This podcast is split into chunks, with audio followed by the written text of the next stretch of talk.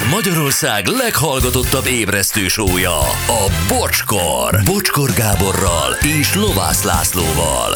Ez a bocskor!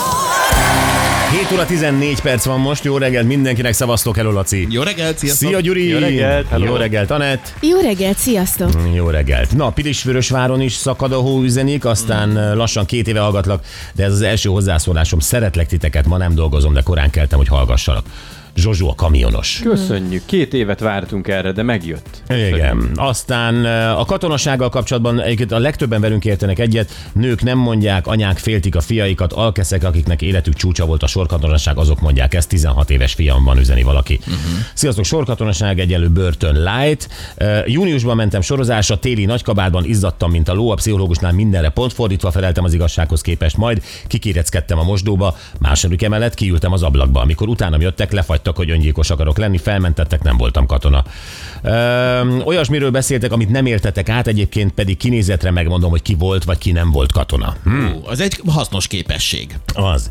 Én voltam kilenc hónapot, semmi vicces nincs benne, és utólag sem szépült meg. Baromság volt minden másodperce, alkoholista tisztel ugatták a hülyeséget, kiélték a kisebbségüket, és élvezkedtek, kiadja nekem vissza azt a kilenc hónapot, amit elsztak az életemből, üzeni Lackó. Ja, ja. Ez a régi sorkatonasságról szólt. Igen. Üzenik ezt mindesztinek.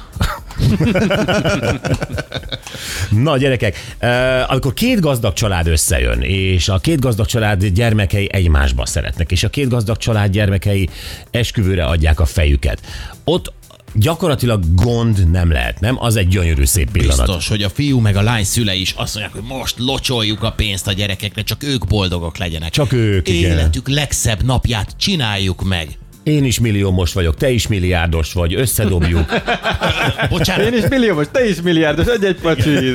Hát nem, a milliárdos elvette a kezét, nem ad pacsit. Elmondom miért. Itt ö, ö, tényleg az ember azt gondolná, hogy a legdrágább helyeket lehet kibérelni, vagy di, di, a legdrágább virágokkal, di, a legjobb ételek, hmm. a legjobb, legdrágább, legpompásabb ruhák, boldogság, minden, nem? Semmi teher. bizony. Ez a legfontosabb, semmi teher senki. Igen. Csak hát amikor van egy ilyen különbség, mint itt a bekeméknél, hogy az egyik az milliómos, a másik meg milliárdos, akkor lehet, hogy a milliómos család egy ponton azt mondja, hogy "Ö, fiú, nekünk nagyjából ennyi elég lesz beletenni ebbe az esküvőbe. A milliárdos meg azt mondja, hogy miért, miért, miért, miért, miért? Hát még tegyük. Ilyenkor, ilyenkor elkezdődhet az egymásra licitálás. Hát persze. Aha. Nem, nem is volt itt olyan, hogy most ki mennyit, Beckham mennyit tesz bele, meg ő mennyit tesz bele. Mi elmondom az árát, de várjál, itt ugye David Beckham fiáról van szó, Brooklyn Beckhamről, Aha. és az ő csaja Nikola Pelc.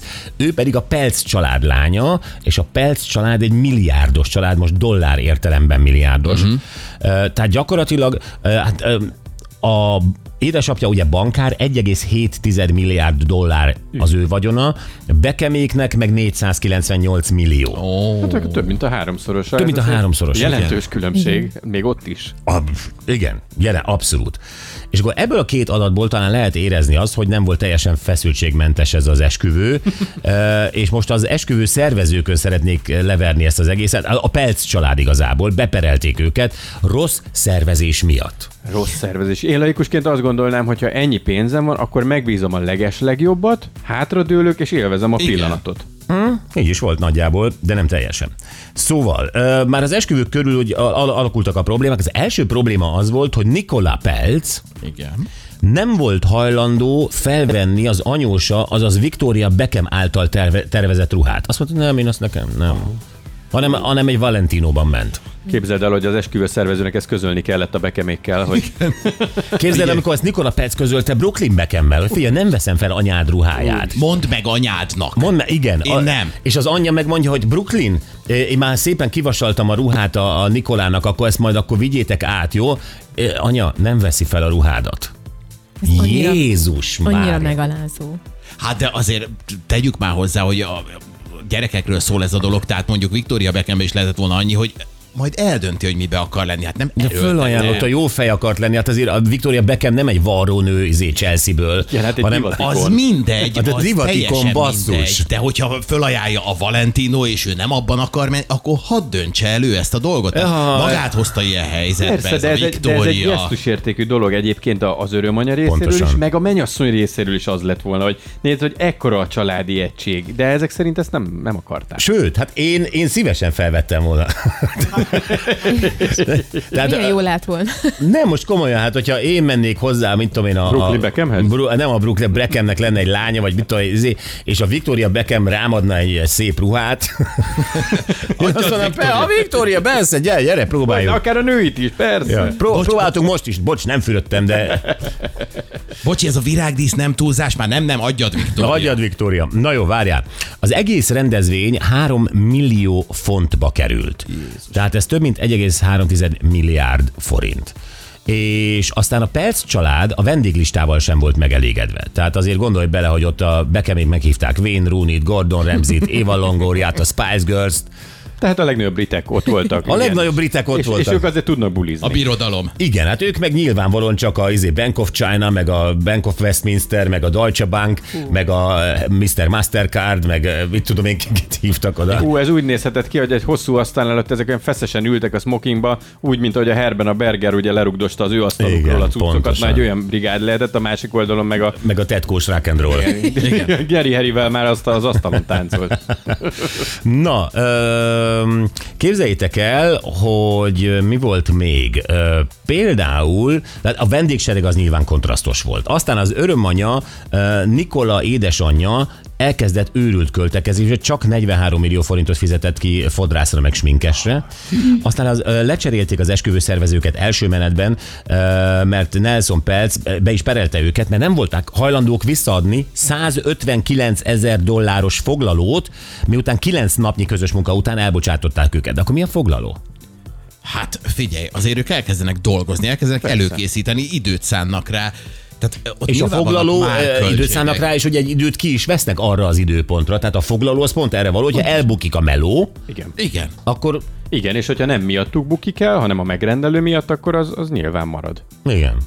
Várjál, akkor volt még olyan is, hogy Nikola Pelc édesanyja Claudia Pelc nem volt őszinte a férjével, és eltitkolta a valódi költségeket. Az esküvő valódi költséget, hmm. és még az esküvőszervező céget is megpróbálta rávenni, hogy segítsenek eltitkolni ezt az összeget. Aha, ez, a, ez a, ezt most rendezzük feketén, így adom KP-ből? Tehát Valahogy Azért szép lehetett tenni a családban, családnak. ahol van 1,7 milliárd dollárnyi vagyon, ott anyának titkolóznia kell, hogy ő kidob még 43 millió forintot izére fodrászra. Hát valószínűleg ez a 43 millió forintnyi fodrász még a milliárdos apukának is sok lett volna.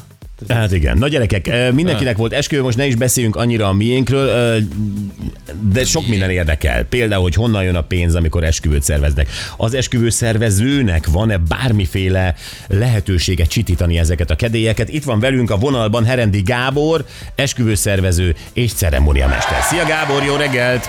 Szervusztok, jó reggelt, jól lehet hallani? Nagyon kitűnően lehet hallani. Nagyszerű. Figyelj, ebből az 1,3 milliárd forintból ki lehet jönni? Itt hát ki lehet, igen, nemzetközi szinten is, de még talán Budapesten is. Na, ö, amit eddig hallottál itt erről a konfliktusról, ö, itt ö, ez, ez, ez magyar viszonylatban is ismerős? Tehát most nyilvánvalóan egy picit vegyük le a bankszámlákat, de hogy nagyjából ez a fajta dolog, sztori, amit itt hallottál, ez, ez, ez jellemző itthoni házasulandóknak is? Szer- hát szerencsére az én pályafutásom során nem annyira, mert különben nem csinálnám most már közel 15 éve ezt a mesterséget. Az az igazság, hogy itt az alapdolog elfelejtődött. Itt most két gyerek összeköti az életét, most olyan helyzetben vannak, hogy a szüleik finanszírozzák meg ezt az eseményt, és itt tényleg félre kéne tenni mindenféle vélt és valós sérelmet, és valahogy legalább erre az egy napra összeszedni magunkat, vagy, ezt szoktam mondani a párjaimnak, csináljatok egy minimálisabb esküvőt saját költségvetésből. Én már többször szünep, ünnepeltem a 18. szülinapomat, várjatok, már majdnem háromszor. Szerencsére abban a korban vagyok, hogy a mostanában megkereső, minket megkereső párok, már van, hogy gyerekeik vannak, már egy picit idősebbek, ők finanszírozzák ezt az eseményt olyan módon, ahogy ők azt szeretnék. Ha pedig fiatalabbak, már az első találkozáson, ha nem jönnek éppen az örömszülők is erre a találkozóra, majd erre mesélek, akkor azt szoktam mondani, hogy az első kérdéseim között van az, hogy ki finanszírozza ezt az eseményt. De nem ez a lényeg, Gábor, Hát nem ez a pont lényeg. Ez a, hát pont ez a lényeg. Ki állja a cechet? Na most egyébként nálatok hogy van az, hogy aki állja a cechet, az a megmondó? Tehát ö, nektek akkor rá kell hallgatni, vagy mindenki bele ö, kotyog? Volt egy olyan találkozónk, hogy megbeszéltük ilyenkor Eszter kolléganőm is velem, amikor szervezést is végzünk, mert ha csak ceremónia mester vagyok, azt egyedül megoldom, és akkor foglaltunk egy négyfős asztalt egy étteremben, és egyszer csak beállított egy, hát ilyen 6-8 fős társaság, azt hittem, hogy máshova mennek, de hol felénk jöttek. Jött anyuka, apuka mindkét oldalról, talán még a nagymama is megjelent az egyik oldalról, és ott egy ilyen, le kellett foglalnunk egy ilyen hosszú táblaasztalt, és akkor ott körbenéztünk, akkor mindig összekacsintunk Eszterrel, hogy hú, ez hosszabb tárgyalás lesz, de, általá, de általában, és ugye azért ez egy, ez egy szervezői munka, nem egy mediátori munka, hogy Persze. a családi problémákat összehozzuk, de azért persze van pszichológiai készségünk. Általában én tényleg határozottan az asztalra teszem a legelejétől fogva, hogy kedves örömszülők, kedves nagymama, itt most az lenne a helyes irány, ha nem megvalósítanánk egy 30-40 évvel ezelőtti nem jól sikerült esküvőt a gyerekek kontójára, hanem hogy tényleg a gyerekek kívánságai valósuljanak meg, és hogyha ezt önök anyagilag támogatják, ez egy tök szép dolog, csak, csak jó lenne, hogyha tényleg az történne, amit itt a pár szeretne, mert mégis csak ez az ő napjuk az önök támogatásával, és akkor na innen indul a, a legelején ugye ezt megbeszéljük, aztán innen indul, hogy mer, milyen irányba is megy valójában a dolog. Annyi még az én pályafutásomban a nehézség, hogy rengeteg nemzetközi eszkövet csinálok. Tehát egy ilyen beszélgetés tolmácsolás nélkül létesre jöhet, mert valamelyik fél nem beszél magyarul, vagy éppen angolul, ott tovább bonyolódik ez a helyzet, és akkor még bejönnek a kulturális különbségek, de mondom, szerencsére nagyon kevés nehéz helyzetbe futok, és akkor visszatérve itt mondtátok a szervezők, hogy foglaló, itt számolgattam, tehát ez a foglaló, ez a 132 ezer font, vagy 150 ezer dollárnyi foglaló, az a teljes szervezési költségvetésnek, a, a, vagy a, a díjazásnak a fele.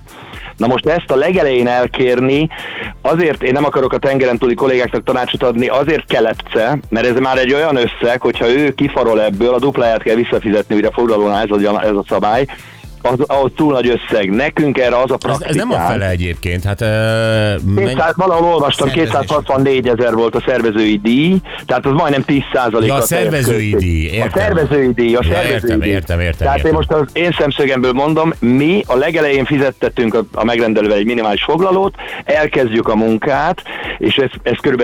8-10 hónap van, hogy egy év is, csöpögtetve két-három havonta az elvégzett munkánkért kérjük a díjazást, ezzel megteremtve azt a puffert, hogyha nem együttműködő, vagy a pár, vagy éppen az örömszülők, akkor oda is, benne is van a szerződésünkben egy klauzóla, hogyha ha nem, hogy is van, nem tudom, valami határidőt is adunk benne, hogyha nem, nem az a ritmusú az együttműködés, nem kapunk választ, nem segítik a munkánkat, hogy abban a minőségben vitelezzük ki, ahogy mi azt már csináljuk régóta, akkor elállhatunk a szerződéstől, mit egy 21, 21 Na jó, napon belül nem most, kapunk most ne, választ. ne, ne a ti cégeteknek a, nem tudom, policiát meséld el, hanem, hanem inkább azt, hogy uh, ugye ott van, ált, általában egyébként kifizeti az esküvőt, ez még mindig az, a lánynak a szülei? Hát, Én azt mondom, hogy igen, még azért, igen, fele-fele mondjuk, igen, a pároknak a szülei fele-fele. támogatnak, és akkor igen, az idősebb párjaink meg már önmaguk engedik meg. Igen. Találkoztál-e olyannal, hogy teljesen kontrasztos a két család? Tehát, hogy a, a, az egyik, mit tudom én,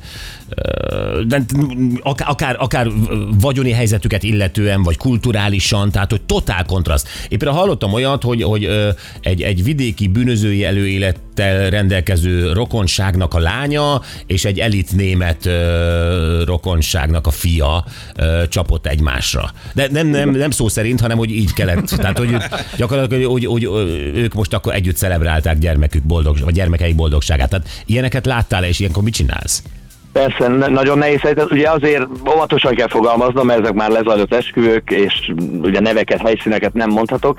De igen, voltak, volt most ugye már Zoom is divat, de hát Zoomban volt a tárgyalás, és akkor ott megjelentek ugyancsak a, a mennyasszony meg a vőlegény ültek középen egy kanapén, és akkor az oldal, egyik oldal székeken az örömszülők, az egyik oldalon, másik oldalon, másik oldalon. Érződött az anyagi különbség igen komolyan, és akkor hát ott a, hát a pénzes diktál, a nem annyira vagyonos meg bólogat, néha ugye húzzák a fogukat, mert azért valamennyire ők is beleszállnak, ugye a részleteket nem tudtam, hogy milyen százalékban szállt bele a nem annyira vagyonos, de ott igen elég erősen dominál a, a, a pénzesebb vonal, és akkor hát a másik oldal ezt elfogadja. Gondolom külön azért ezt így megbeszélik, hogy százalékos arányban mi legyen, de hát mit tudunk csinálni, ha ilyen pár talált egymásra, hogy ilyen az anyagi helyzet. Arra van még praktikám inkább, ez a szervezési folyamat utáni történet a nagy napon, ha például feszültség van a család tagok, akár család, családok, családok között. Nagyon nagy divat most a két személyes főasztal. Tehát, hogy a párok egy két, ketten ülnek csak a Aha. főasztalnál, akár csak a tanúikkal, a párjaikkal, ha, van, ha pont jól jön ki, de ha nincs ilyen megoldás, vagy a testvérük és a párja, akkor a szülők is külön ülnek egyszerűen. Tehát, hogy a viszályokat úgy tudjuk megoldani a nagy napon, hogy egyszerűen külte- külön ültetjük, akár oly- olyan helyzetben is, hogyha a szülők elváltak. Tehát az apuka az új párjával egy asztalnál, az ő rokonságával, az szülők, az, az anyuka az ő rokonságával a másik asztalnál, tehát nem is, tényleg nem is tudnak akár találkozni az egész napon, kivéve a szertart. Hát, meg, kivéve a szertartási jót, bevonulnak egymás mellé, leülnek, mert ott a fotók azért úgy kéne, hogy készülni, készüljenek a fotós által, hogy az örömszülők rajta vannak. Szóval, ö, na, szóval valami ilyesmi. Á, ilyesmi. Értem. Jó. Hát nagyon-nagyon szépen köszönjük, ezek szerintem még meg is oldottad volna a bekemék problémát. Köszi Gábor, minden jót. Nagyon köszönöm, szervusztok, szép Szia. Herendi Gábor, esküvőszervező és ceremóniamester. Na, um, Anett, nálad? Nálam viszonylag jól működött, de hát ugye én azt meséltem, hogy mi ezt magunknak finanszíroztuk. Ja, Igen, aha. tehát, hogy a, mi nem engedtünk beleszólást És, abba. és a Gergő anyja nem akart neked ruhát csinálni? De felvetted volna, ő csinálja? Biztos, hogy nem. Biztos, hogy nem. Ki van zárva. Nem is próbálkozott, viszont, viszont hogyha lett volna ilyen ötlete, akkor én is a Gergőnek szóltam volna, hogy valahogy próbáld meg anyukáddal megbeszélni. De hogy- itt szabadok voltatok, hogy ti finanszíroztátok, és nem kértetek a Igen, rokonságtól de azt akartam mondani, hogy ennek ellenére azért voltak ilyen kis ap- apró megjegyzések mind a két oldalról, tehát az én szüleim oldaláról is, Igen, meg a, ah. az anyósomék oldaláról is, hogy igen, jó lenne, ha őket meghívnak. Nem akarjuk meghívni, nem találkoztunk velük életemben sem. Most miért legyen itt? Aha. Gyuri, ha te véletlenül megnősülnél, akkor te azért ragaszkodnál a régi hagyományokhoz, ugye, hogy a nő finanszírozza az egész. Hát, ezt mikor pénteken mondtad, akkor én felélegeztem. Hogy ez... Persze. Ezek a hagyományok, hát azért maradjunk azért a, Ma, hát a hagyomány... a stabil talajon. Hát ha valamiben őrizzük a hagyományokat, az pont az esküvő. Jó, eh, drága hallgatók, azt a sztorit kérnénk tőletek, hogy nálatok miből adódott a legnagyobb konfliktus az esküvő szervezése közben. Amiben nagyon nem egyeztetek. Amiből. Igen. tényleg veszekedés lett, vita.